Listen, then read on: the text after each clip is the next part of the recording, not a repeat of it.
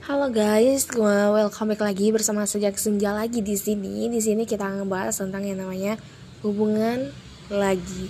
Uh, kalau misalnya bicara tentang hubungan, sebenarnya hubungan itu bukan terikat tentang satu atau dua orang lagi, sebenarnya tentang satu individu dengan individu lainnya.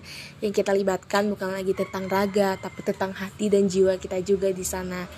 Kita mempercayakan diri kita untuk dicintai dan kita mempercayakan diri mempercayakan dia untuk di, mencintai kita dan kita mencintai dia berarti itu kayak sesuatu yang sangat sulit untuk dilakuin sih menurut aku. Kayak kalian harus mengorbankan jati diri kalian yang gak diketahui oleh banyak orang lain tapi kalian rela mengorbankan diri kalian untuk orang yang kalian cintai.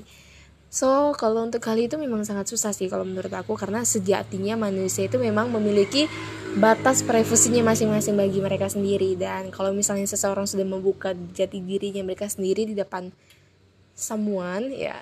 Someone ya. Berarti secara otomatis berarti si seseorang ini sudah mempercayakan hatinya untuk si someone ini guys.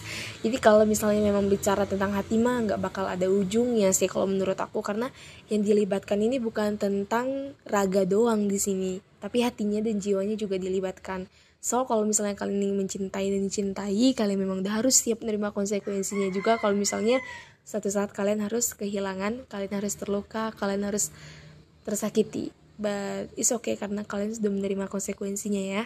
Jadi jangan pernah menyalahkan dengan namanya keadaan. Tapi yang salah di sini ada sesuatu yang nggak bisa kalian pahami dengan yang namanya cinta itu sendiri.